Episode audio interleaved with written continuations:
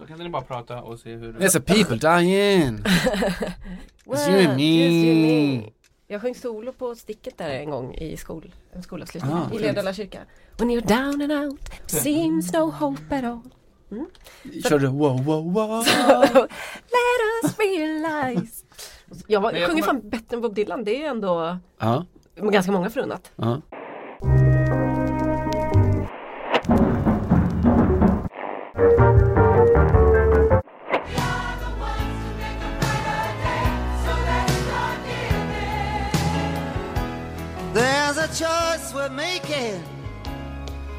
We're saving our own lives. US Open-finalen 2005. André eh, Andre Agassis stoppbolls-erotik mot Roger Federers hela geni. Federer 2-1 i set, 2-0 i fjärde. Det står 15-30 när Agassi slicear en backhandcross i det där som vi pingisspelare kallar för fickan. Federer är helt lurad, helt förlorad, men han hämtar ändå upp bollen med en forehand i sitt eget backhandhörn och avgör med ett rakt, helt omöjligt slag. Och det där berättar jag av två skäl och det första är för att jag vill tipsa om en av eh, väldigt många faktiskt fantastiska tennisessäer som den lika fantastiska författaren David Foster Wallace eh, skrev eh, under rubriken Federer as Religious Experience. Och det andra är för att just precis där någonstans så sätter också Foster Wallace fingret på något som all konstnärlig idrott lever på. Som eh, Ash Sarkar, eh, engelsk vänsterradikal och en av den här poddens stora favoriter, sa i en Guardian-intervju efter VM i förra sommaren. Eh, hon fick då frågan av journalisten om hon är ett fotbollsfan. Och Ash svarade att Huge, I'm a die-hard Spurs supporter who gets her heart broken again and again. I love terrace culture, the flow of the game and those moments, moments of beauty like Zidane's volley where you just think that is God speaking through you my son. Det här handlar alltså inte om någon slags YouTube highlights och lite dribblingar och sådär utan om något som liksom vidgar hela horisonterna, hela tanken på vad som egentligen är, är möjligt och gör oss lite större som, som människor. Och apropå lite större människor så eh, här sitter jag mitt emot Johanna Frändén. Hej och välkommen hem. Hej, hur sjukt är detta? Alltså det känns jättekonstigt. Vi blev så här blyga för varandra och började Ska vi prata om? Nej jag behöver inte. Vi tar dina ämnen. Ja, Mm. är, är du besviken? Alltså efter sådär den här blinddaten Känns det jobbigt? Men, Vi har Eh. haft en bra relation sådär på, på distans men Ja, ibland tänker jag att eh, det finns en anledning till att man skriver bäst och i näst efter det kanske pratar Mm. bäst på telefon. Men eh, jag är ju, ja, det, det övertrumfas nog av ändå glädjen över att vara här och få göra det en, en live, så att säga en livepodd i vårt sammanhang i alla fall. det känns väldigt fint. Det betyder också för de som lyssnar på den här veckans eh, Fotboll Radikal slipper eh, alla former av synkfel och eh, ljudmissar och tröghetsmotstånd sådär. Vad vi vet. Vad vi vet så eh, grattis till er och grattis eh, till oss. Vad, vad har hänt sen senast? Hörru du, vad har hänt sen? Ja det var inte så länge sedan. Nej, När var det i fredags? Mm. Det har inte hänt så mycket. Jag har tagit det förkastliga flyget till Sverige. Lika bra att lägga korten på bordet. Och eh, nu är jag här. Det har inte skett så mycket mer än det. Jag har väl slökollat på lite Premier League helgen. Eh, lite mer kanske uppmärksamt kollat på PSG få stryk mot, eller av Lyon. Det var en ganska trevlig och angenäm upplevelse. Neymar-fritt märktes ju också. Man hade väldiga problem med att liksom ta sig in i det sista som kräver just den här sortens konstnärlighet som jag pratade om. Mm. Mm, det är nog en korrekt analys. Också intressant att se när Lyon som är ett, alltså likeable är det bästa ordet jag kan komma på med dem. Vi är bra på, eller vi kör ju lite väl mycket anglicismer här ibland men älskvärt känns inte riktigt, det, det återger inte riktigt hela känslan men de är väldigt lätta att tycka om. Eh, men man ser också i då den här berömda sista tredjedelen eller kanske sista femtedelen att det är ju inte ett supertopplag liksom. Nej. De är lite för tröga och Eh, Moussa Dembélé är inte Edison Cavani och, och så vidare. Eh, men, Osman Dembélé. nej, precis. Världens just nu ändå hetaste fotbollsefternamn.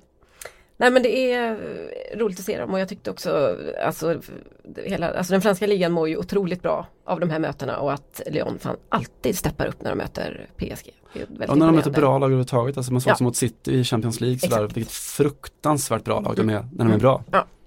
Precis, och det är jättefrustrerande då för mycket av Lyon-folket som säger att varför kan vi inte spela så här Mm. jämt. Men jag, jag tror ju att vissa fotbollslag det handlar inte om att man är mer motiverad utan det handlar om att man har en struktur på laget som gör sig bäst mot eh, lag som PSG. Framförallt nu när PSG saknar liksom all, typ av krigaranda. Så de har inga Mm. mittfältare som klarar av att köra över sina motståndare och då kommer Lyon verkligen till sin rätt på ett helt annat sätt. Så att eh, det, det, det är ju kul med lag som är bra mot bra lag men jag tror också att det finns en rätt så, ja, någonstans en ganska naturlig taktisk förklaring just i Lyons fall faktiskt.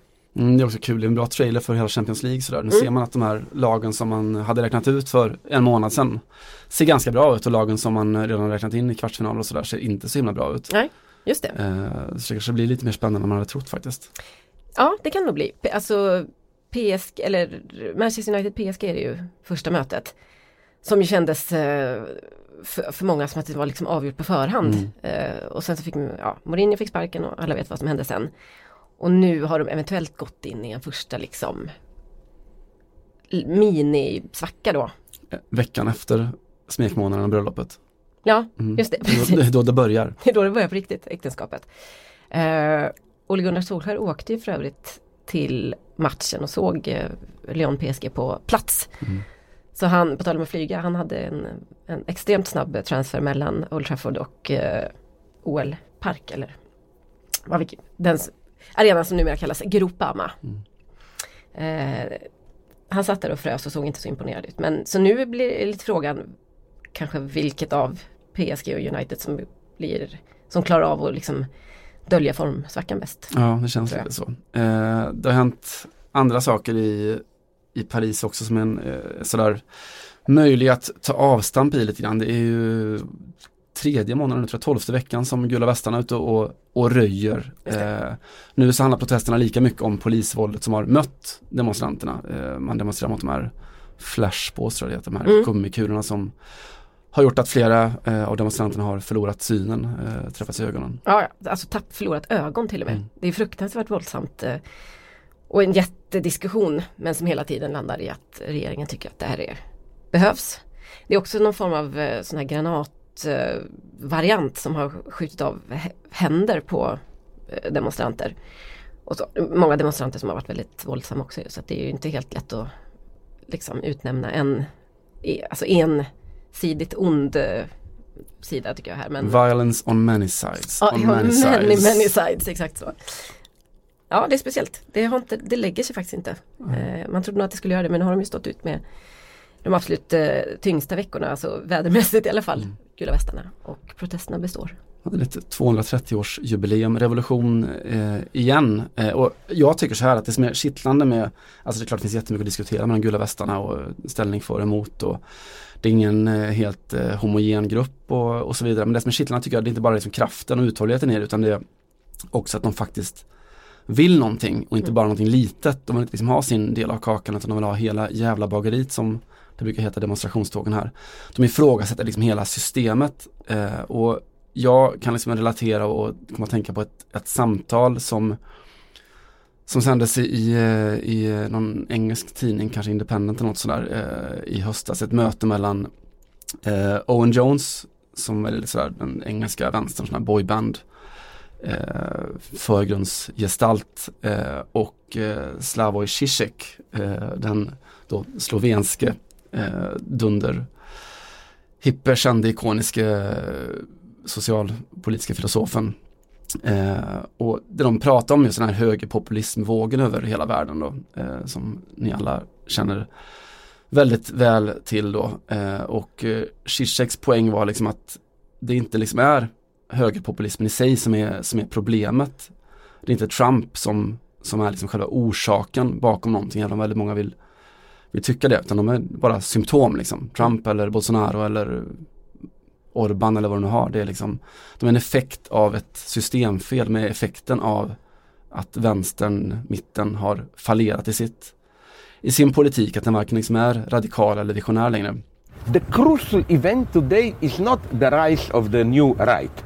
The rise of the new right is a secondary phenomenon. The crucial thing is the disintegration of this center-left welfare state consensus. We should, this is why the crucial battle in the United States today, it's not against Trump, it's what happens within the Democratic Party. Och Zizeks poäng är att det man ska göra, det man måste göra nu, det är liksom tänka utanför eh, systemet. Eh, och jag tänker lite på så här, ja, men miljödebatten som, Just det.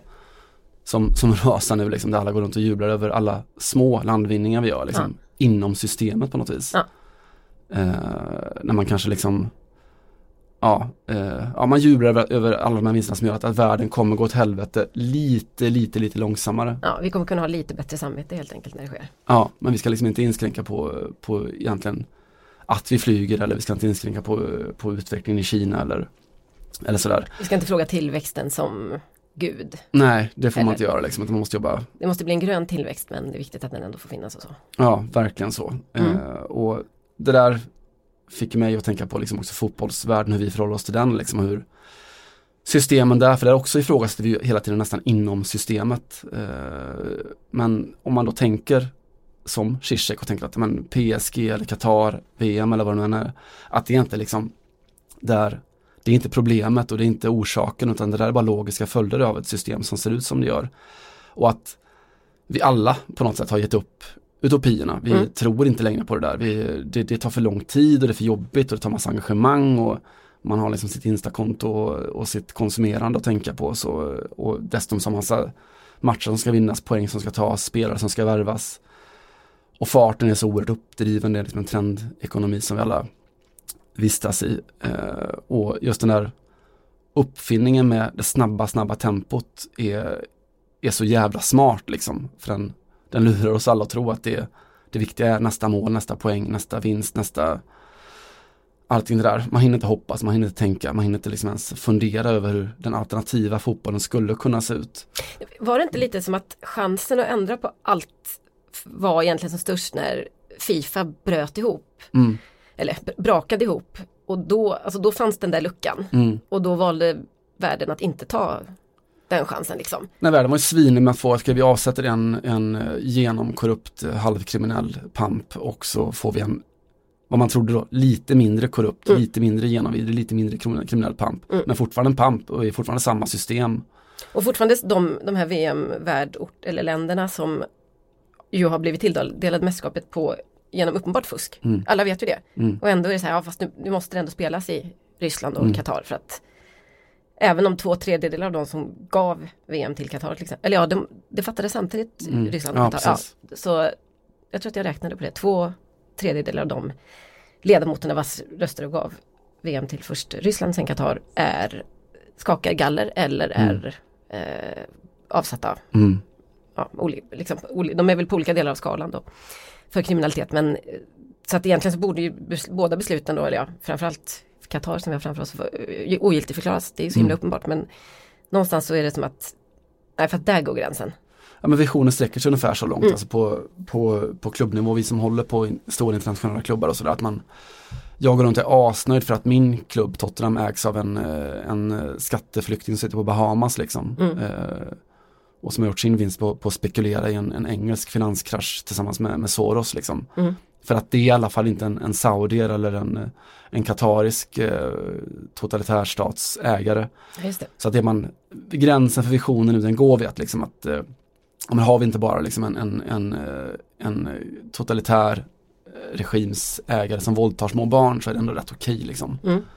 Eh, så jag vet inte, man, eh, vi kanske liksom borde titta ännu bredare än, än ett financial fair play liksom. Vi kanske borde eh, vi kanske inte borde leta efter regelverk som kan begränsa Qatars möjlighet att värva ihop ett landslag eller Nej, just det. eller sådär, kanske borde liksom vär, välta hela jävla systemet över ända. Det är den tanken jag får liksom kring, kring de gula västarna, att det är första gången på väldigt länge som man ser att det finns en, en genuin vilja att göra någonting mycket, mycket större så. Mm.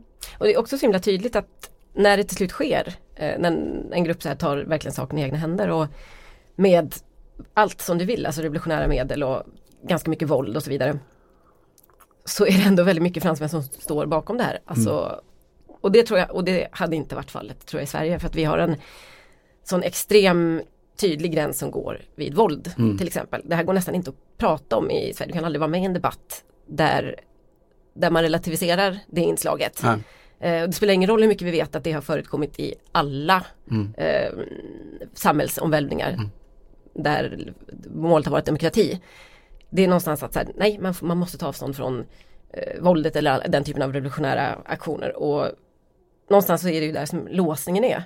Och jag sitter ju också här och känner att jag måste säga, jag tar givetvis avstånd från våld. Men ibland kan jag känna att eh, både vad det gäller den alltså Fifa eller den globala fotbollstrovärdighetskrisen och eh, klimatkrisen och allt det här så, det, så finns det snart inga andra utvägar. Och då kommer fransmännen kommer inte eh, rynka på näsan så mycket då. Eh, för att de har, tror jag, en sån lång och blodig historia. Man tycker att det är det är legitimt någonstans. Man kan inte göra omelett utan att knäcka ett par ägg. Är Som, som någon sa någon gång. Exakt så. Eh, nej, och det där är ju, det är också en, där man längtar efter den, den filosofiska debatten kring att vad är egentligen våld liksom? Ja. Är, är det våld när, när människor i, på landsorten i Sverige eller i våra förorter och sådär inte kan leva sina liv utan att riskera att eh, är kriminella eller att mödrar inte kan föda på, på sina BBn, eh, föds får föda i en taxi för att eh, det monteras ner eh, och för att välfärden konstant är nedmonterad. Är inte det våld också? Är inte det också en våldshandling liksom? Mm. Och hur bemöter man våldshandlingar? Ja men är det inte en Så. våldshandling att aktivt eh, förgifta atmosfären med koldioxidutsläpp? Liksom? Ja. Hur kan det inte vara? Det är ju ett, det är en krigsföring i princip. Krigföring, ja. Så att, eh, men det handlar väl någonstans om att den typen av våld som vi pratar om då som är aningen mer eh, vad ska man säga, det liksom är lite inbäddat. Mm. Eh, och det är kanske ekonomiskt mer än någonting annat. Eller i alla fall att systemet som det liksom förs i är, eh, är inte våld i, i bemärkelsen nu kastar jag en handgranat Mm. på dig. Då blir det osynligt eller då går det inte och det är som att vi tror att det går inte att komma åt. Mm. Ja, vad fan. Mm. Och eh, Så att välkomna till podden. ja, välkommen till podden. Här, här är vi va och eh, med Bert Karlssons ord, ja men ni kan väl flytta till Venezuela då. Man går till Venezuela istället och Ja. jobbar där istället så ser du vad det fungerar. då eller? Ja, är men gör det istället. Ja, vad fan, låt oss göra det då. Låt oss snacka lite om, om, eh, om Venezuela. Eh, som ju är den andra stora eh, politiska nyheten eh, som dominerar nyhetsflödena här som, i, i dagarna. Guaido heter han väl och, och Maduro och kampen om, om makten. Eh, och demonstrationerna och fattigdomen och så där. Eh, och då tänkte jag snacka mer eh, fotboll faktiskt. Eh, Venezuela är ju en liten anomali eh, på det sättet också i, i Sydamerika. Att de har ju egentligen ingen stolt fotbollstradition överhuvudtaget. De gillar sin baseball, det är liksom där de är stora. De har aldrig spelat VM i fotboll, de har liksom inte tagit några medaljer i, i, eh, i Copa America och sådär.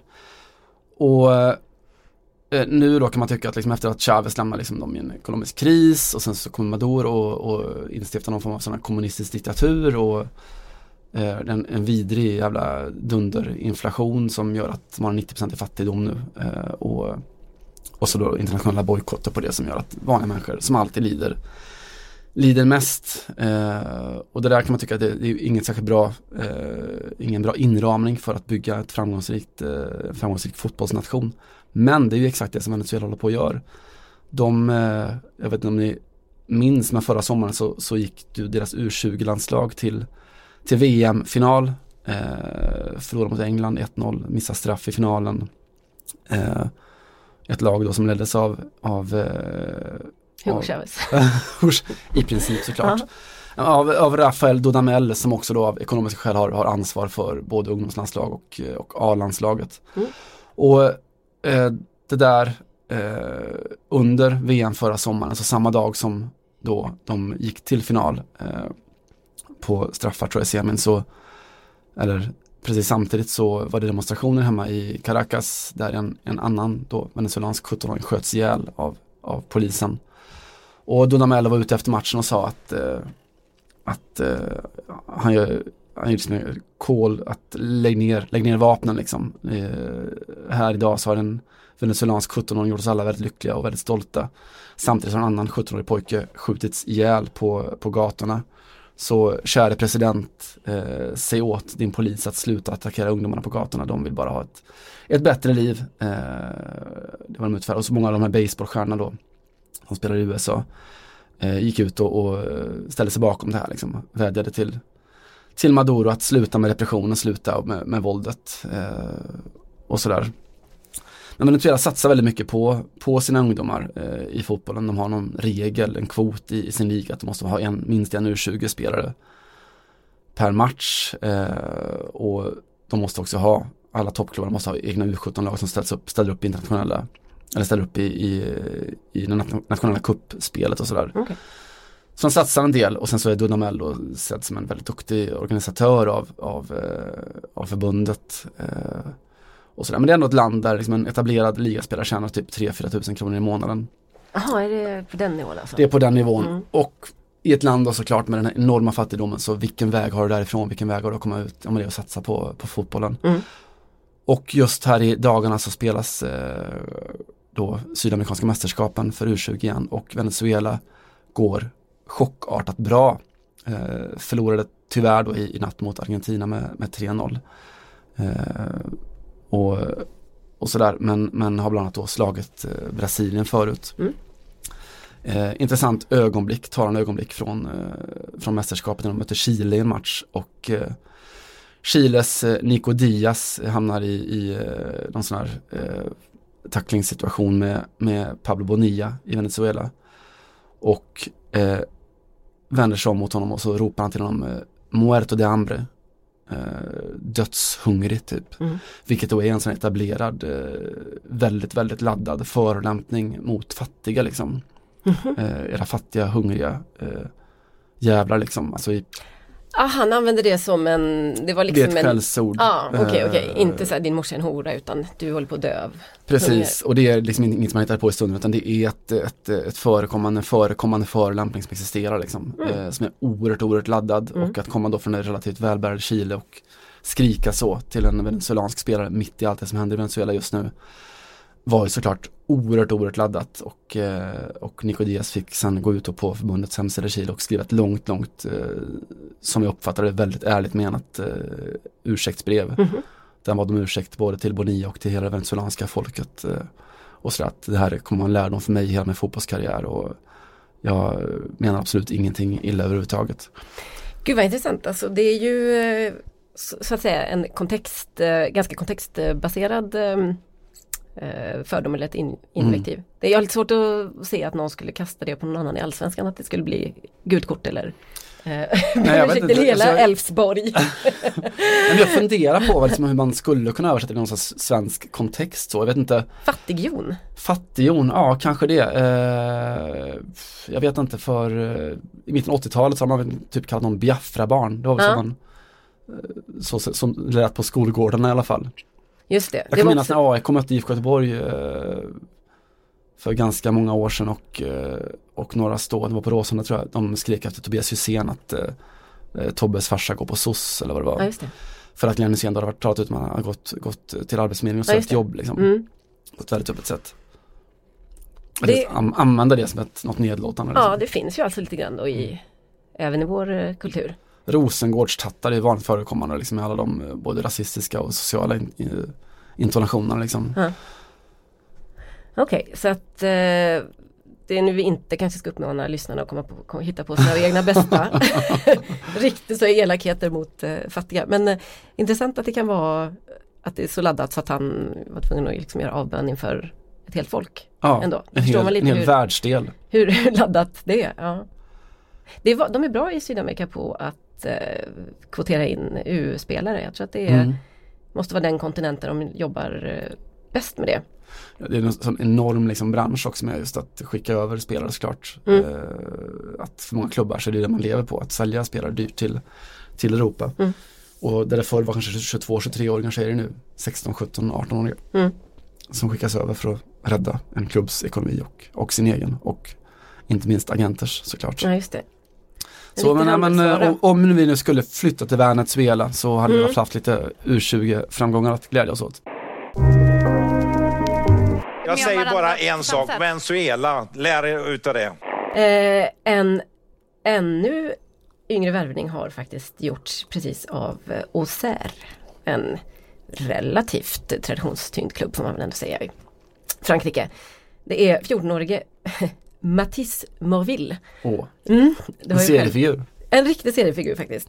Eh, Matisse Morville är eh, målvakt och har eh, då skrivit på för klubben och det speciella med honom är att han är son till Didier Morville.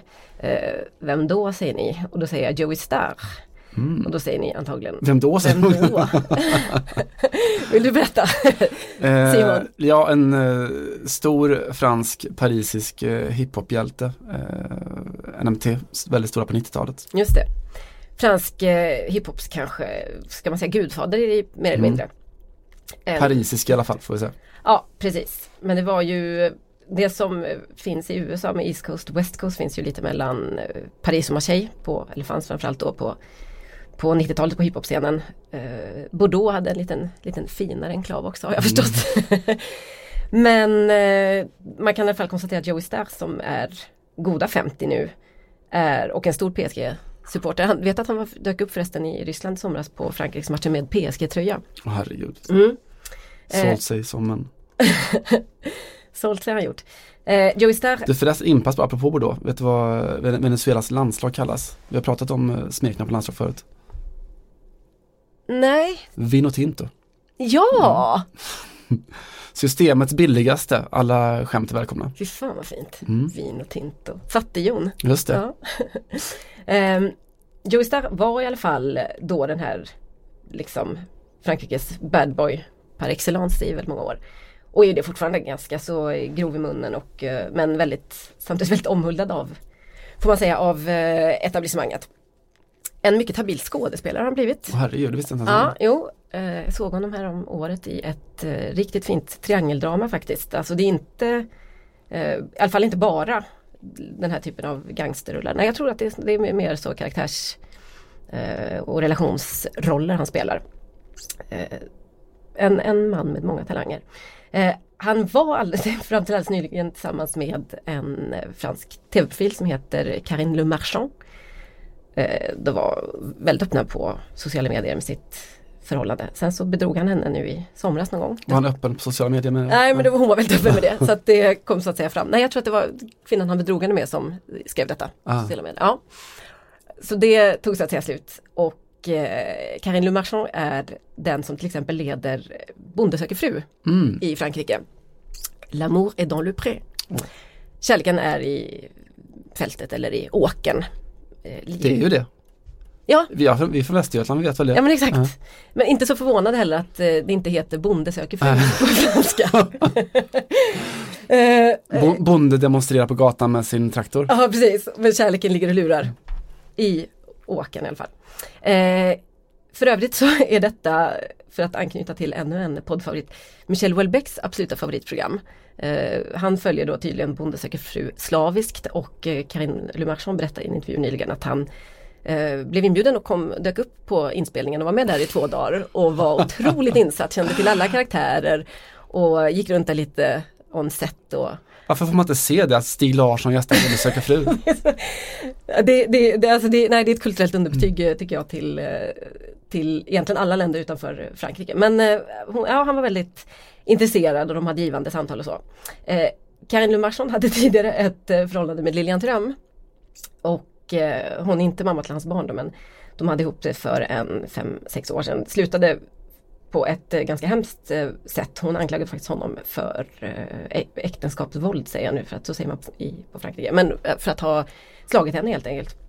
Man, stor historia i Frankrike och det var ju givetvis förödande för Lilian Thuram som ni vet bygger väldigt mycket av sin efterspelarkarriär på eh, jobbet mot rasism och diskrimina- diskriminering och eh, mot sexism och så vidare. Eh, till slut så drog hon tillbaka anklagelsen tio dagar efter att hon hade polisanmält honom. Eh, för han hade på, han satt faktiskt i Kanal Plus och eh, visade upp ett sms och grät över detta och det var otroligt eh, dramatiskt. Och hon hade skrivit något i stil med att jag ska göra livet surt för dig och så vidare. Och så. Eh, svårt att veta exakt vad som har hänt eh, såklart. Eh, Lilian Thuram har två söner i eh, Ligue 1 just eh, nu. Han har eh, Marcus i Marcus, Marcus. Marcus. Precis. I Gangan. Mm. Eh, lagkamrat med eh, Kalle Jonsson. Där helt enkelt. Och så lilla Och. Johan Larsson för tiden också. Precis. Mm. Jag glömmer honom ofta för han brukar inte... Från, från Kinna. Ja det måste vara därför. jag har svårt att minnas er allihopa. Eh, nej men han är inte en startspelare alls på samma sätt som, eh, som eh, Kalle Jonsson. Skitsamma, Gangon slog ju ut eh, PSG ur eh, ligacupen häromdagen också. Eh, den ännu yngre Tyram heter Kefren. Efter den egyptiska faraon var han väl och eh, en av de här eh, pyramiderna. Och han spelar i Monaco och eh, har också varit, eh, spelat A-lagsfotboll där nyligen. De möttes faktiskt de här två Han är 12 år gammal. han är något sånt där ja. Eh, den här långa tråden har jag egentligen mest använt för att knyta ihop ett eh, Får jag ett inpass innan, innan vi många vidare? vill? Fint ändå. Ja. Eh, apropå eh, Joey Starr så han är då känd från NMT eh, hiphop ja, kollektiv kan man säga så. Eh, han och Cool Chen var ju andra benet i den Parisgruppen och eh, båda var väl PSG eh, ganska, ganska jäkla hårt. Eh, det som Cool gjorde eh, var att han när då i en period när OL, eh, Lyon stod utan tröjsponsor klev in och sponsrade dem. Så att det stod eh, Lyons spelare då med Benzema och Kim Källström alla de på den tiden. Med tröjor där det stod eh, Cool på. Ganska stort svek, lite som Magnus Carlsson hade gått in, klivit in som AIKs tröjsponsor eller något i, här uppe. Gud det är faktiskt eh, ett otroligt svek ju. Ja, och han, jag tror att Cool Chen är så här Saint-Denis kille liksom, alltså väldigt så ro, extrem, extrem Paris-rotad. Ja ja, ja visst de är därifrån eh, allihopa. Mm. Den här berömda Parisförorten med postkod 93 Mm. som de ju man bygger mycket av sin identitet Mm. på om man är därifrån. Jag är från 93 vet du. Då blir man alltid lite då får man respekt med sig. Mm, kan man säga. Mm. Eh, nej, jag ville egentligen mest eh, sätta ljuset på en fråga som jag ställer mig ganska ofta, nämligen detta att Lilian Thuram har två söner som är duktiga i fotboll kan man väl någonstans förstå om man nu ska tro på genetik och talang och sånt där. Eh, även om det ändå tycker jag inträffar förvånande ofta med, eh, vi- har ju Lillklöivert nu till exempel i Mm. Roma. och Ja, det finns ju hur, ni vet ju, hur- det finns ju hur många som helst idrottsbarn som går samma väg som pappa, Kasper Schmeichel. Kanske det kändaste exemplet.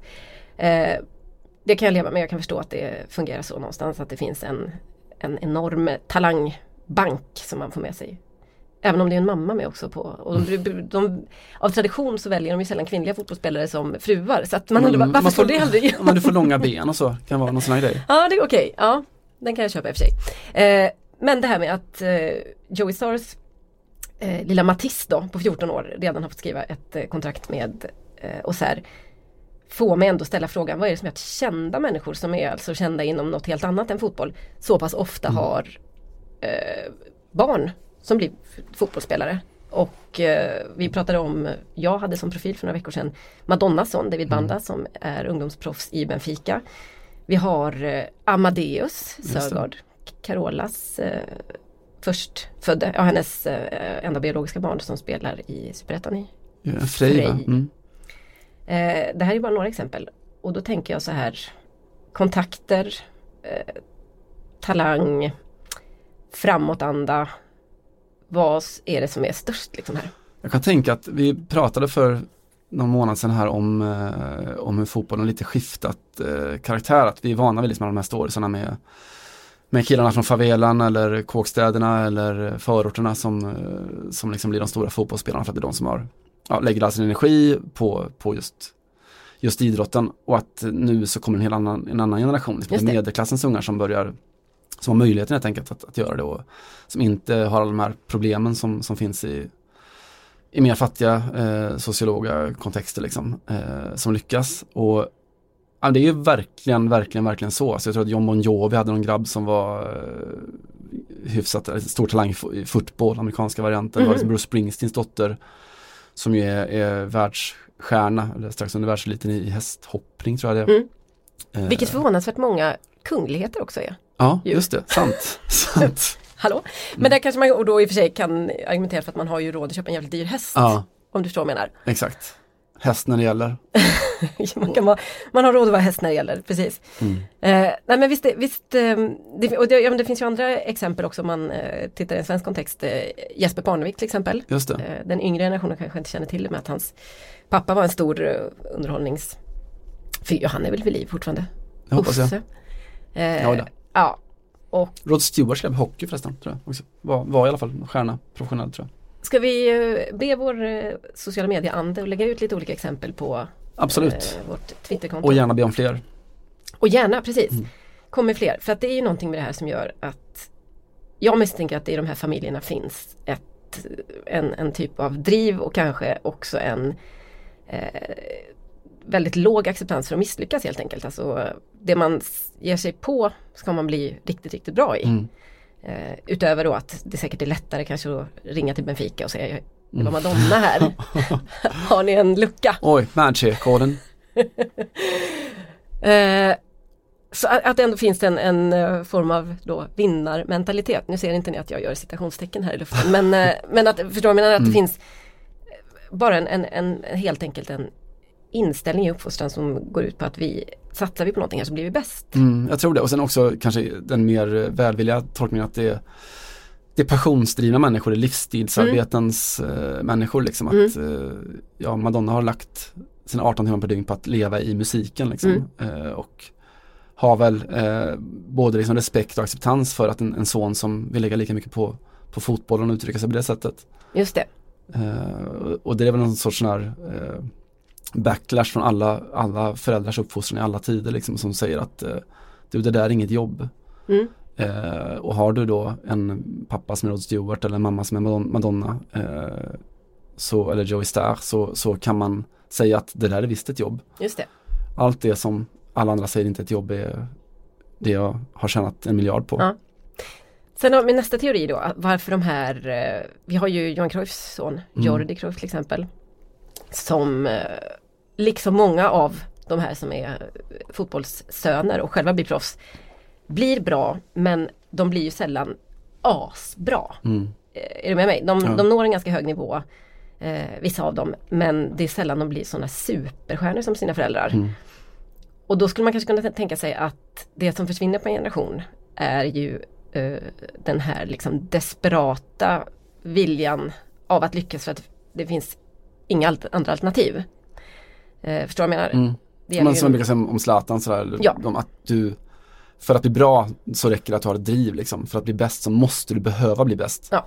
Du måste liksom ha det att det, det räcker inte, du, du, alltså den psykopatiska ådran att innan alla ligger kring mina fötter och du menar att det är Fortnite, utan jag menar på riktigt, Mhm. så är du inte nöjd liksom. Nej, precis. Uh, det måste, någon, någon, alltså det är, Spelar du tv-spel? nej, Men det var en snygg eh, referens. tack. Ja. Jag läser om tv-spel. Ja. Simon Bank-hjärta. Mm. Eh, jag vill bara kasta in med Fortnite var ju eh, otroligt nära i eh, förra sommarens eh, fotbolls-VM-studio att eh, jag gjorde en liten sån avskanning på sociala medier när eh, var det Michu Batshuayi hade gjort eh, Mm. den här eh, idiot eh, sparken när han fick bollen stolpen, rakt i, i nyllet. Och så skrev han någonting om att så här, ja det här var ju en gest någonting från Fortnite. Och jag stod där och var sekunder från att säga att det här var en gest han plockade upp för en 14 dagar sedan. Någonting. Mm. På Fortnite. På Fortnite. Du körde Shakespeare-taken på det. Ja, vi fara och, Mm. och eh, André Pop som har barn i åldern sa ju det, det är ett dataspel Johanna. Vi behöver alla en pops. men verkligen det. Som gör oss lite bättre. Mm. Eh, nej men det är ett intressant eh, fenomen som sagt. Ge oss gärna fler exempel. Jag funderar till och från på detta väldigt mycket för att jag tycker att det känns orimligt att eh, till exempel Madonnas son som dessutom inte kan, alltså rent, nu är jag inne på genetik igen då, för han är ju adopterad. Mm. Han, kan, han har ju inte ärvt någon liksom gen av att vilja eh, få världen för sina fötter. Men däremot kan han ju mycket väl ha sett hur mycket det krävs Mm. och vara otroligt eh, pushad hemifrån För såklart. det tror jag är grunden, alltså när man ser på det som fotbollssöner och döttrar, eh, alltså som växer upp i en, en familj med, med föräldrar som varit professionella själva. Då tror jag det är att, att du växer upp att se vad betyder att vara professionell. Om Mm. en pappa kom hem, eh, oftast pappa såklart, eh, mamma mer nu kanske, eh, och la sig vidare efter träningen, åt rätt, eh, la sig tid på kvällen. Mm. drack inte två glas vin, just det. allt det där. Mm. Att det, det är så det funkar, du vet när du är 11, eh, det som många andra förstår när man är 28 och det är redan lite för sent. Just det. Mm. Eh, sådär, så eh, nej, jag, jag tror att det, det är så, så förklarar jag det i alla fall. Också när jag förklarar viljan att vara bäst och allt det där. Men Men om man är då en son i Zidane eh, syskonskaran till exempel. Mm. Återigen, nu har man inte hört om dem eh, på ett tag. Så, och, och, Enzo missade en straff, det är det senaste jag hörde om honom. Ja. En straff. Just det. Nej men han var ju uppkallad och gjorde några inhopp i, i Mm. Real Madrids A-trupp. Men eh, inte mer än så. Att det ändå finns kanske ett naturligt, säger jag, stopp Mm. också. För att man faktiskt inte har eh, riktigt samma, man hade riktigt samma incitament ändå som ens Nej. pappa. Det, det var inte på liv och död liksom. Min så finaste historia kring just papparollen och hur man, hur man fostrar en vinnare och så. Det är Jürgen Klopps pappa. De brukade spela tennis ihop när, när Jürgen var liten och eh, det var den där sortens pappa som aldrig bjöd på en enda poäng. Alltså Jürgen var nio bast och liksom fick, eh, det bara smällde sen Federer-slag i hörnan liksom. Mm. Och så efter en av de andra gångerna, det är liksom 6-0, 6-0, 4-0 och sen så drar han in en smash till liksom och Jürgen börjar gråta och undrar Pappa, pappa sluta liksom, hur, hur kul tror du det är att, att möta dig när du gör så här? Och pappan kom fram till nätet och säger till honom att Jürgen, det är helt fel fråga. Hur jävla kul tror du det är för mig att möta någon som är så dålig? På tyska också. Den hårda tyska uppfostran. Ja, Mm. den, Den, känner eh, man att man vill veta mer om helt ja plötsligt. den borde fostra något. Den borde fostra vinnare. Eh, så känner jag. Jag vill också eh, parentetiskt inflika apropå eh, just eh, Joey Stars son som hette, vad hette han? Mattis. Mattis. Eh, det kanske finaste klubbnamnet i världen. Eh, I Marbella finns eh, sedan 30 år ungefär en fotbollsskola och klubb som heter AD Pablo Picasso CFD Marbella. Kan de värva Amadeus Sörgård så hade ju lyckan varit total. Då hade liksom alla stjärnor stått rätt någonstans. Man vill ju se den. Mm. Eh, de är fina också. De hade, när de fyllde 25 så firade de med att alla ungdomar då, flera hundra i klubben, fick gå en kurs i Picasso för att som presidenten sa, du kan inte spela för Picasso utan att veta vem Picasso var Nej. och hur han målade. Nej. Fint ändå. Rimligheter, helt Mm. klart. Ett favoritlag till att ha. Bosse Parnevik, Bosse Parnevik Man blir lik hos herr Parnevik Hey, I'm Ryan Reynolds. Recently, I asked Mint Mobile's legal team if big wireless companies are allowed to raise prices due to inflation. They said yes. And then when I asked if raising prices technically violates those onerous two year contracts, they said, What the f are you talking about, you insane Hollywood ass? So to recap, we're cutting the price of Mint Unlimited from $30 a month to just $15 a month. Give it a try at mintmobile.com slash switch. $45 upfront for three months plus taxes and fees. Promo for new customers for limited time. Unlimited more than 40 gigabytes per month. Slows. Full terms at mintmobile.com. Du, eh, kan vi prata lite om eh, tjejer också? Det kan vi göra. Fint ändå. Mm. Jag tänkte på den portugisiska horisonten, jag vet inte om många som har noterat det, men eh, det går bra för Benfica just nu. Just det. deras damlag. Eh, och eh, när jag sa att det går bra för Benfica så menar jag just det. De, eh, förra helgen så mötte de Jumbon, de spelade i portugisiska andra divisionen och eh, och Pego som då ligger sist hade det jobbigt. De hade det så här Jürgen Klopp jobbigt kan man säga. Det blev 32-0 eh, och det är speciellt. Men bara det att för Benfica så är det inget speciellt. Det är ungefär så det brukar se ut. De har efter 14 spelade matcher eh, 14 vinster och 257-0 i målskillnad. Mm. Snabbräknat ett snitt på knappt eh, 20 mål, 20-0 per match. Det är Och- då när man säger tennissiffror så är det liksom inte, det är inte ens riktigt relevant jag längre. vet inte vad det är, är det cricket eller vad kan det vara? Ja, innebandy kanske. Ja, ja innebandy, just det. Mm. Där hade vi också Frankrike som Mm. eh, gjorde en bejublad insats mot Sverige i Mm. VM-kvalet. 61-0. 61-0, hade du platsat i det franska landslaget tror du? Jag tror inte det är omöjligt faktiskt. Nej. Nej. Men eh, det roligaste med det var ju att eh, precis på i slutsekunderna så avvärjde en av de franska backarna säger vi då. Jag tror att ni inte kommer källkolla detta så noga nämligen. Ett skott på mål och gjorde en sån yes! Segergest, hon var så jävla nöjd. Det var liksom bara så här, wow! Så att ehm, ja, nej men det var, det är väl det är fruktansvärt i och för sig med lag som bara kör på. Alltså jag tycker man ska ha någon, visa, någon form av anständighet. Ja, som den brukar... 10-0 där får man ändå bara känna att nu ska vi inte förstöra liksom hela deras eh, alltså tro på livet. Det är som den gentlemannakodexen som i alla fall fanns i italiensk fotboll att ja, men har vi gjort 5-0 så räcker det liksom. Eh, Vi behöver inte förnedra motståndaren. Det är lite så som eh, Hugo Lloris eh, tänkte i VM-finalen också mot Mm. Just det. eh, Kroatien. Han är ju en gentleman På alla sätt. på alla sätt. Mm. Missförstådd. Missförstått eh, geni. Eh, och Men varför spelar de i andra divisioner? låter ju konstigt om de är så ja, bra. de gör det och det är ju lite förklaringen bakom just varför det eh, blir sådana siffror. Ja, för att de Portugisisk damfotboll är såklart ung, vi har pratat om spanska damfotbollen förut och hur de, eh, de fick liksom inga möjligheter och de uppvuxna i en extremt strikt eh, maskulin eh, patriarkal eh, kultur och så. Eh, och det har bara gått en två, tre år sedan som Portugisiska förbundet bestämde sig för att skapa en, en riktig eh, liga eh, och bjöd in alla de stora herrklubbarna då att starta egna Mm. damlag och, och sådär. Och där var Benfica lite sena på bollen. LOL. Ja, såklart. Och Braga var de första som kom ut och då, därför är de bäst, typ Sporting lite senare och sådär. Eh, och Porto tror jag fortfarande kanske inte har något faktiskt. Men det som då Benfica har gjort att de har då fått ihop ett, ett väldigt bra lag, det är liksom nästan bara landslagsspelare. Typ eh, 70% i truppen är brasilianska spelare med landslagsmeriter. Mhm. Som är där, så de är alldeles, alldeles för bra liksom. Det är intressanta i år är hur de klarar sig i kuppen snarare och de kommer att vinna, Mm. vinna kuppen också. Så Mm. nästa år ska de spela i toppligan då. Kommer eh, Madonna stå på läktaren då med sin son och hålla solidariskt på damlaget? Man vill ju gärna se det framför sig, eller hur? Ja. Eh, det hade varit något. Det kan vara värt att följa upp. Ja. Mm. Du pratade lite om spansk eh, damfotboll, jag vill fl- flika in det. Det är lite risk att vi bara talar om hur mycket eh, folk som går på matcher helt plötsligt när vi pratar damfotboll. Eller det blir ofta det Mm. nedslaget. Men eh, Athletic Bilbao och Atletico Madrid möttes i eh, också kuppen i Spanien häromdagen. Och det blev det topp fem största publiksuccéerna på den nya mm, San Mames faktiskt. Mm. 42 000 tror jag lite drygt såg eh, matchen där Athletic Bilbao fick stryk då av Atletico Madrid. Så att ska man prata om att det händer grejer så är det Ja det är mycket de här länderna man Mm. får titta på just nu. Det är inget snack om saken. Ja, talangen finns ju såklart. Eh, och alltså det, det som är så här roligt eller, eller tråkigt beroende på hur man ser det med just den här sortens resultat så i, i, i framförallt i damidrotten är ju att det tas ju väldigt ofta som en intäkt för hur jävla dåligt allting är liksom. Mm. Så här, att man kan, kan skratta åt det och sådär.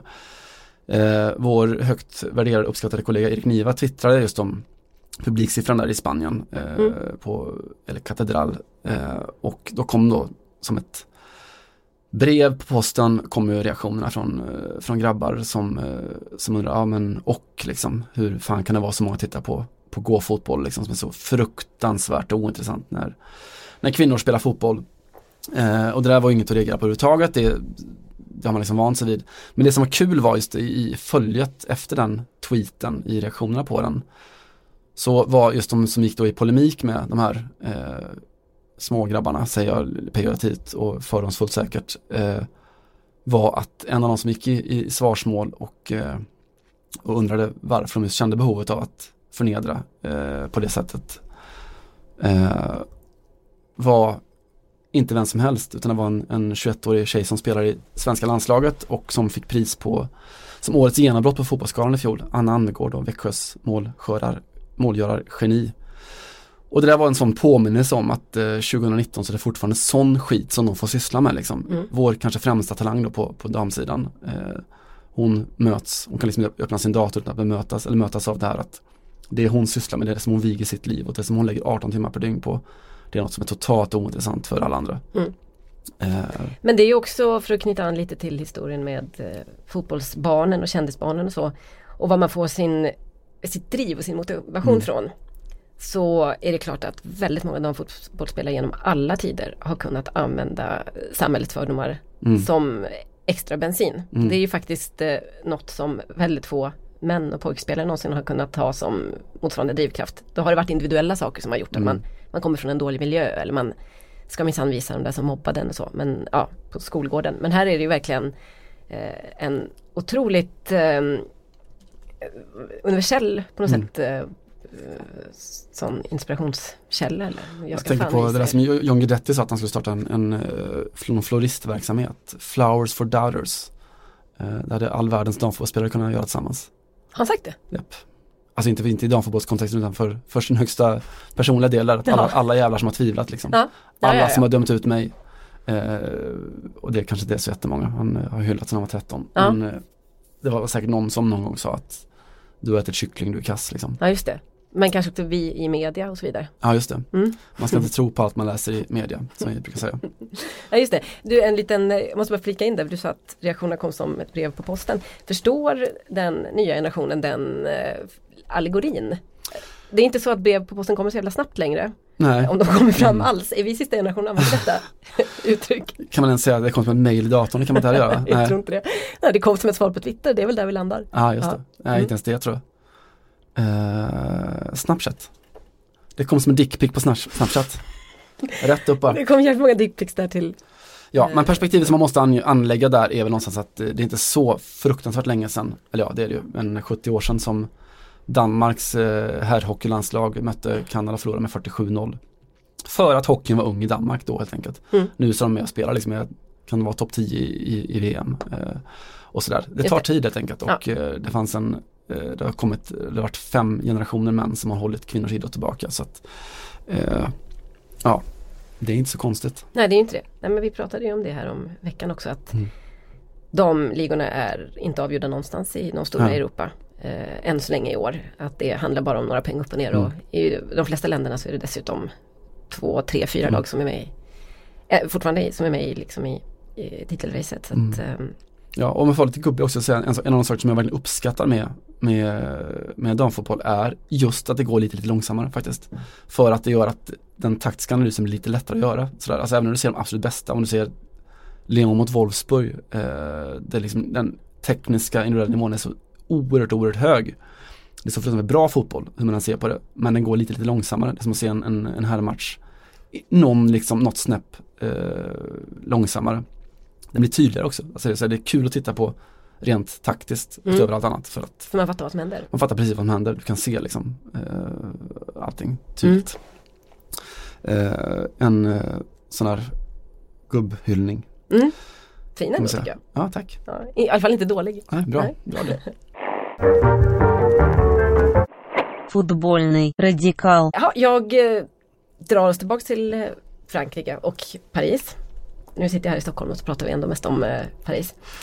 För att det som har hänt där i helgen är att Hatem Ben Arfa har oh. dragit PSG inför en arbetsdomstol motsvarande. Mm. Han ska alltså stämma, eller har stämt, PSG på mellan 7 och 8 miljoner euro. Mycket pengar Mycket pengar för Qatar. på exakt eh, utebliven arbetsinkomst får man väl egentligen eh, kalla det om vi skulle översätta det rakt av.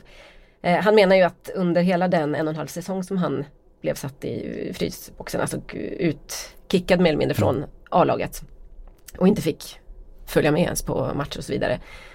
Så gick han miste om eh, saker som han annars då, eller ekonomisk eh, kompensation som han annars hade fått eh, i spelarbonus och premier och så vidare. Och eh, det är tydligen en bibba på 50 sidor ungefär som de har lämnat in eh, för de som representerar Ben Arfa. Så det här är då på riktigt någonstans. Och vi har ju pratat tidigare om det. Jag tycker det är lite intressant att diskutera de här arbetsrättsliga perspektiven på fotboll. För att vi, det enda vi pratar om är hela tiden hur mycket pengar de tjänar och att det är en otroligt privilegierad tillvaro och det är inget snack om det. Men att det finns väldigt mycket luckor eller i alla fall väldigt mycket osäkerhet som gör att man kommer ner på lite lägre nivå där man inte tjänar de här pengarna. Så är det både det vi skulle kalla anställningsosäkerhet och eh, en extrem otrygghet generellt liksom och det här ja, utanför laget, i laget. Nu fick du sparken då som tränare till exempel eller eh, en klubb kan i princip bestämma när de vill göra sig av med en spelare. De kan sätta så mycket tryck i alla fall på spelaren i fråga att eh, han vet att han måste Mm. lämna klubben. Ben Arfa gjorde inte det. Han blev, Han han, låt tårta istället. Ja, exakt. Han, ehm, han förklarade för PSG förra sommaren att ja, de, då hade de fixat ett eh, kontrakt, eller de hade ganska långt gångna förhandlingar med eh, Fenerbahce Mm. och sa att eh, åk dit för vi vill inte ha kvar det här. Eh, Patrik Klövert var det faktiskt som var sportchef då, han har ju lämnat sen dess, sportdirektör. Och Ben Arfa sa att eh, nej tack, det intresserar mig inte. Så då blev han kvar på Eh, inte på bänken men på läktaren i, i en säsong till. Nu är han ju i Rennes den här säsongen och gör en hel del av sina genialiska eh, vad ska man säga, artisterier och sånt eh, där. Ojämn kanske inte är liksom ett eh, ord, eller det kanske är ett sånt omdöme som vi ibland använder lite, slösa eller ja, strössla lite över spelare. Men det kanske är, passar mer på honom än någon annan eh, om man ska titta på hans högsta toppar och absolut lägsta dalar. Det finaste ordet som jag någon har snott från, från fransk eh, fotbollsbevakning eh, som jag har lite högre litterär verkshöjd kan man säga. Det är att de, när de beskrev, och de antar att det kan vara typ Rabiot eller Pastor eller någonting, eh, som cyklotomisk.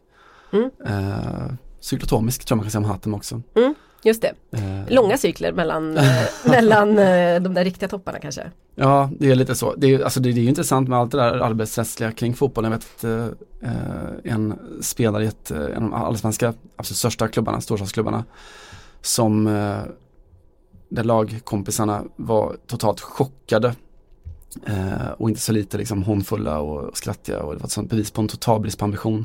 Han faktiskt vabbade någon, dag och missade träning för att han vabbade. Ja just det, Eh, och det gör man inte såklart. det kan man inte göra. Hatem, min favoritstory annars som säger mycket om hans karaktär och Mm. eh, person på andra hållet är när han gick från eh, Lyon till eh, Marseille och då gick ut i, i eh, någon av tidningarna och eh, skällde på Lyon och sa att ja, det där är en, en snål förening liksom. Det, alla vet om det och eh, det är alltid sådär ett snack i omklädningsrummet bland spelarna att, eh, att det är alltid något som saknas i lönebeskeden liksom. Någon post som man får gå in och gnälla på lönekontoret eller hur det nu funkar. Mhm. Eh, bland annat så var det liksom när vi ja, nådde någon Europaframgång och så skulle vi få bonus på, på 90 000 euro tror jag, en miljon ungefär. Och de där pengarna såg man inte röken av liksom.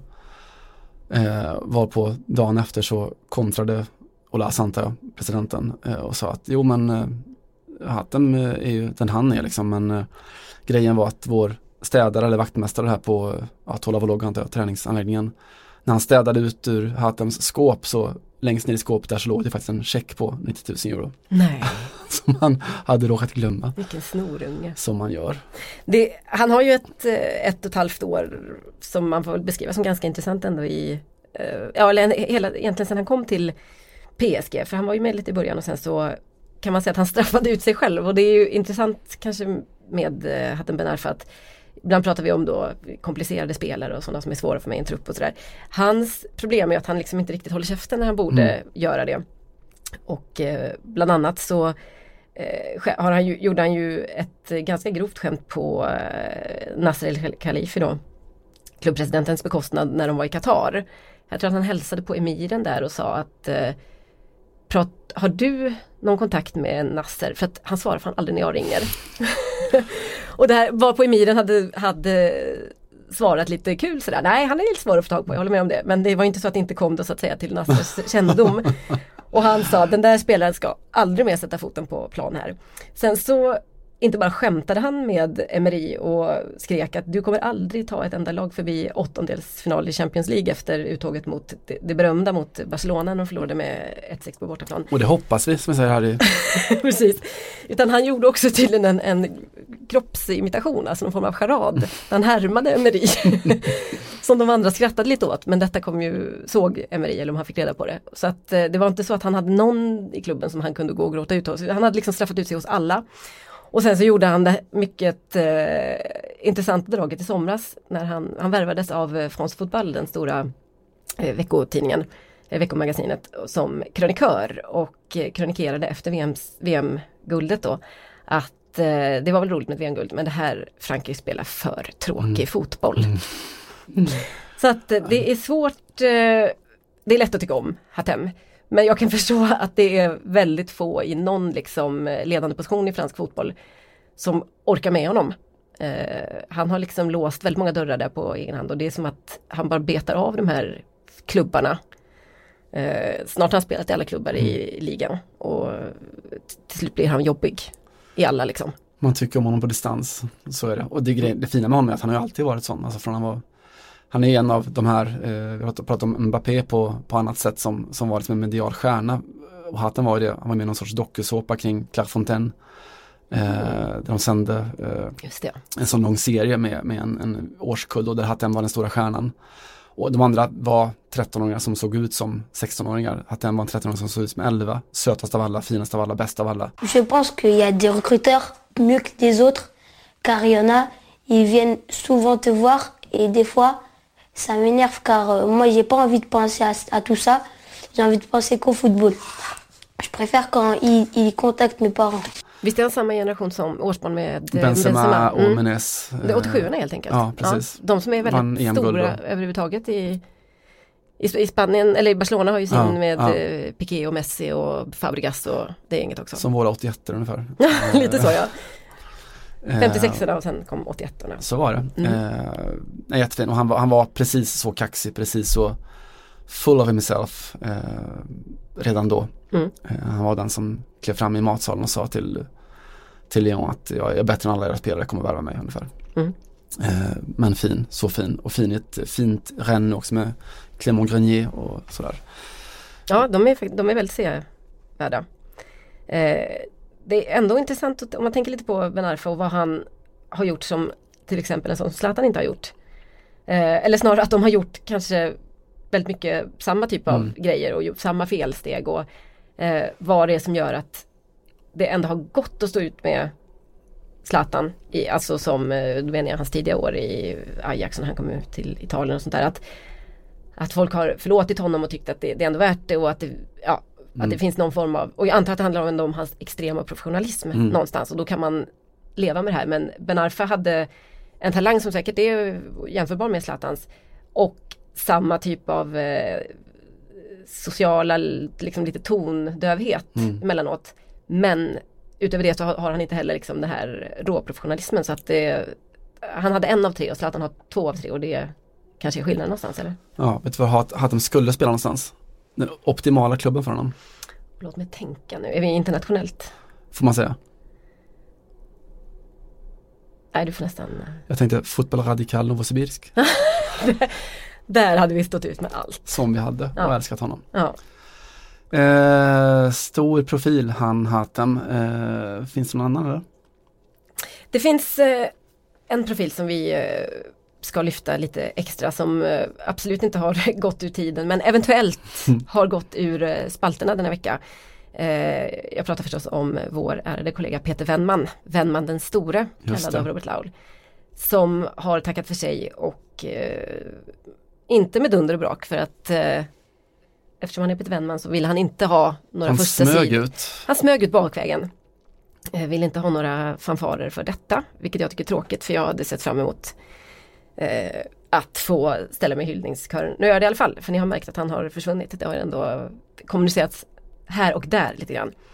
Eh, Peter Wennman som har varit i många år för mig som inte har följt eh, Premier League så jag är supernoga genom alla år. Ändå någon form av fast punkt som jag alltid har läst till och med när jag inte har sett matchen. Mm. Eh, Man har några sådana skribenter som man tycker att det spelar ingen roll, jag, jag missar matchen men jag vill ändå höra vad Wennman hade Ofta är att det säga om tvärtom. Det. Väldigt ofta är det tvärtom, ja men i de allra flesta fall är det tvärtom. Man har sett matchen så tycker man att det räckte. Och man, det är väl här som är problemet eh, lite grann med generationen som börjar med oss någonstans och att, att man vet vad man får men framförallt så är det inte så otroligt mycket eh, ny, eller nytt är väl fel att säga men det, det, det är mer en känsla av att folk kanske kopierar sina favoriter. Det jag står längst fram i kön och säger att jag har gjort med dig jättemånga gånger. Jag har till och med snott en ingress från dig Simon har vi pratat om och så.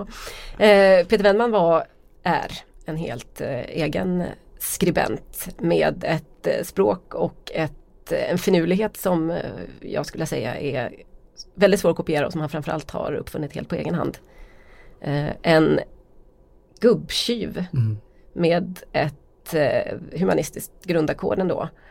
Men to to totalt okänslig för eh, diverse liksom eh, tendenser och eh, idéer om att nu ska man tycka så här Mm. eller vi kallar dem inte så längre eller men inte på något, eh, aldrig någonsin på ett provocerande sätt utan på ett väldigt självklart eh, sätt. Eh, ett, ja, en stilist som jag garvat väldigt mycket åt genom år. Också det sympatiska draget att han var ju korrespondent i, i London i så oerhört länge och bevakade fotbollen där och när man är sådär lite inbäddad och bevakar då en eh, begränsad, eh, begränsad omfång av, av svenska spelare som han gjorde då då blir det väldigt ofta så lätt att de allra flesta, 99% av alla som har den sortens roller blir ju eh, någon form av pseudovänner till de de bevakar, men han är väldigt nära, blir väldigt inbäddad i det där. Man blir ovän med alla han bevakade. Mm. Eh, för att han, han sa vad hans ögon, eller han skrev vad hans ögon sa åt honom att skriva. Just det, Eh, och struntade i om, om Johan Elmander råkade komma från Sverige också. just det.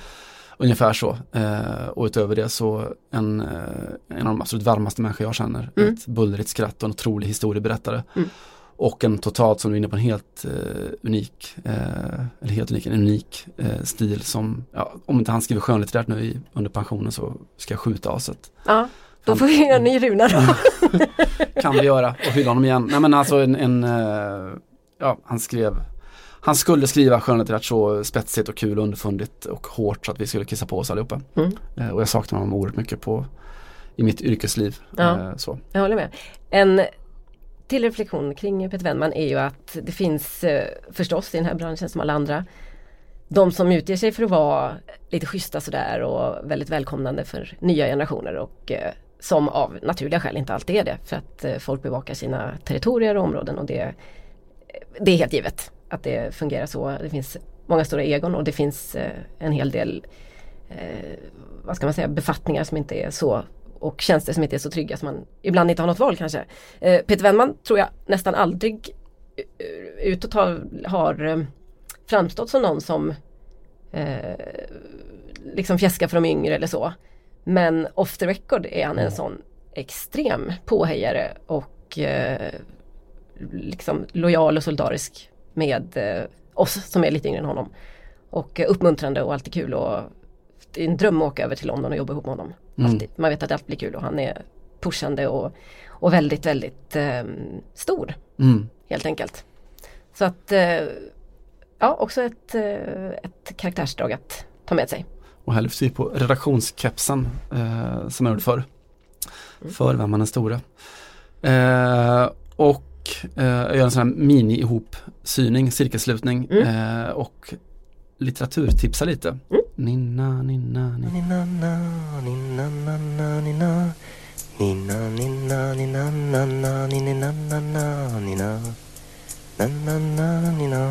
This summer I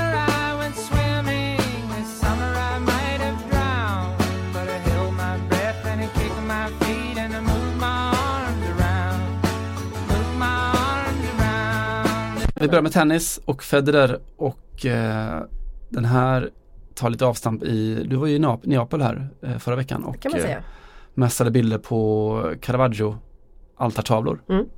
Helt riktigt. Eh, vill man läsa om tennis och Caravaggio så är det inte helt omöjligt. Eh, då gör man bara så att man går och köper eller snor eh, en bok som heter Tiebreak eh, som en mexikansk författare som heter Alvaro Enrique har skrivit. Som är en helt fantastisk spränglärd liten, väldigt liten eh, och kort bok som heter Tiebreak. Som då byggs runt en, en tennismatch i tre set som spelas år 1599 eh, mellan Francisco de Cuedo, eh, spansk poet då och just Caravaggio, eh, chiaroscuro eh, mästare Caravaggio. Och eh, båda då var bad boys av sin tid här och utspelas mot någon sorts fond av eh, mot reformationen, våldet då. Och de spelas, de spelar mot varandra på eh, Piazza Navona i Rom. Eh, och den här handlar om tennis, eller dåtidens tennis, men lika mycket om, om sin tid. Och, och jag tror att eh, Enrique själv har skrivit att han skrev boken i någon form av raseri över att det alltid är de, de rika och onda som vinner. Eh, och den är på det sättet också lite, lite små radikal, men framförallt ett, ett litet konstnärligt, eh, en liten konstnärlig pärla. Eh, Tiebreak av Alvaro Enrique. Läs den om ni gillar eller hatar tennis. Hmm. Kan det vara så att tennis är den sport som har bäst terminologi för att funka skönlitterärt? Slår det mig nu. Allt annat som sådär sudden death och ödesmatch och sånt där som man använder det blir alltid lite fluffigt och Mm. töntigt. Men alltså tiebreak och den, eh, den, den typen av termer fungerar väldigt, väldigt bra. De är lite, lite mer subtila. Lite högre stående kanske. Ja, Fenomenalt, bara det med 30 love, eh, Ja. som the love lär komma ifrån eh, franskans öff va? Eh, löff, så? löff, ett ägg, Jaha. en sån här elliptisk form som nollan eh, är ju helt fantastiskt. En briljant etymologi. Vet du förresten varför fransmän aldrig äter två ägg? Eh, det kommer ju någon form av pappahumor här så att nej. Because in French, one egg is enough. Sådär ja. Eh, Fint. Förlåt. Förlåt, du är förlåten. Eh, jaha, vi började kanske inte med NTM men vi har i alla fall berört om Joey Starr och hans son Matisse. Eh, vi har också pratat om den äldre krönikörsgenerationen som tar hand om den yngre. Så jag tänkte att vi eh, lämnar dagens avsnitt med Sur le drapeau. Det är NTM tillsammans med den nu kanske hetaste, i alla fall kommersiellt mest gångbara eh, rapparen som heter eh, Sofian. Eh, emellanåt har han vänt på sitt namn och heter Fianso också. Eh, så där kan ni eh, kolla om ni vill ha lite eh, uppdaterad radio hiphop. De har gjort en eh, låt ihop som heter Sur le drapeau på flaggan helt enkelt och lyssna noga för att ni kommer hitta ett väldigt aktuellt fotbollsnamn även om ni inte förstår någonting annat i den här texten. Skända fanan. 9-3 c'est l'amour la paix, 9-3 c'est la haine la paix Ça fabrique des mecs à part, ça fabrique des Mbappé. L'envie à l'empire éternel, on va leur montrer Que toutes ces années nous ont pas fait sombrer. J'ai les séparés sous les bombes Depuis l'époque des bombes Tu parles mais tu sais pas sur qui t'es tombé